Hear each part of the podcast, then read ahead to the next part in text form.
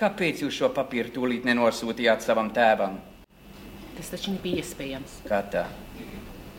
Tētiņš taču bija grūti slims. Lūdzot viņa parakstu, man būtu jāpasaka, ka arī mana vīra dzīvība ir briesmās. Tas taču nebija iespējams.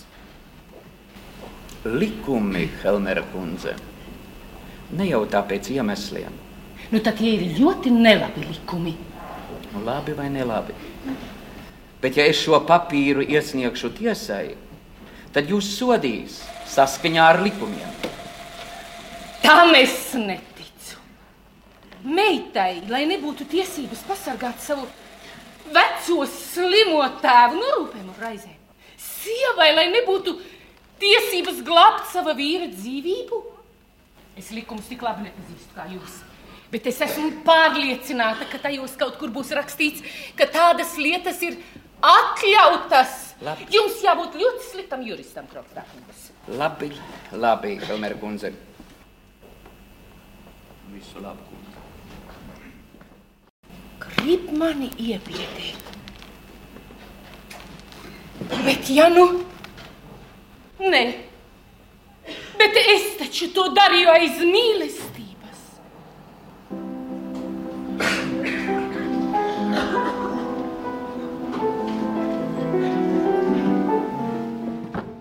Nora Helmere, akciju bankas vicedirektora kundze, savu līdzšinējo mūžu pavadījusi visai iluzoros priekšstatos. Un alošanās par likuma burta un cilvēciskā taisnīguma attiecībām nav tā smagākā, ar ko viņai nākas sastapties. Lūgas gaitā Nora atklāja, ka vīrietis, kuru viņa mīl, izrādās mazisks, patmīlīgs un aizspriedumains radījums, un viņai atliek tikai doties prom, pametot vīru, viņu kopīgo namu un bērnus. Arī mūsdienās šāda rīcība droši vien tiktu pretrunīgi vērtēta, taču gluži revolucionāra tā šķita laikā, kad norvēģu dramaturgs Henriks Ibsens radīja savu noru, vienu no spilgtākajiem stipras sievietes tēliem pasaules literatūrā. Ibsena Lūga Leļu nams savu pirmizrādi piedzīvoja Kopenhāgenes Karaliskajā teātrī 1879. gada 21.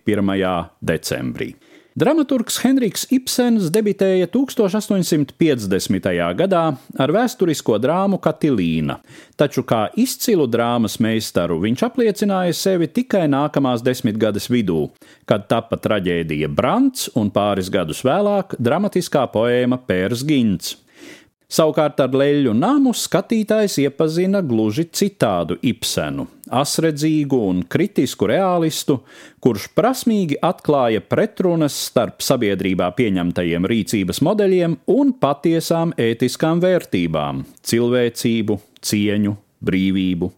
Viņš rādīja, ka valdošā likumības un krietnuma izpratne ir domāta labiem laikiem, Tā ir gana ērta tikām, kamēr cilvēku neapdraud kādas ārēju apstākļu vai paša izraisītas nelaimes, taču tiklīdz apstākļu kaleidoskopā sakrīt nepareiza kombinācija, sabiedrības tikuma izpratne var kļūt par bendes rīku likteņa rokās.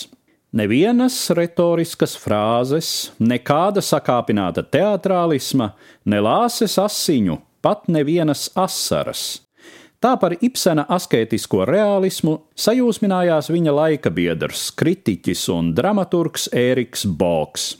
Leļu nams ievadīja realistisko lūgu posmu autora daļradē, kurš tiek dēvēts arī par viņa zelta laikmetu.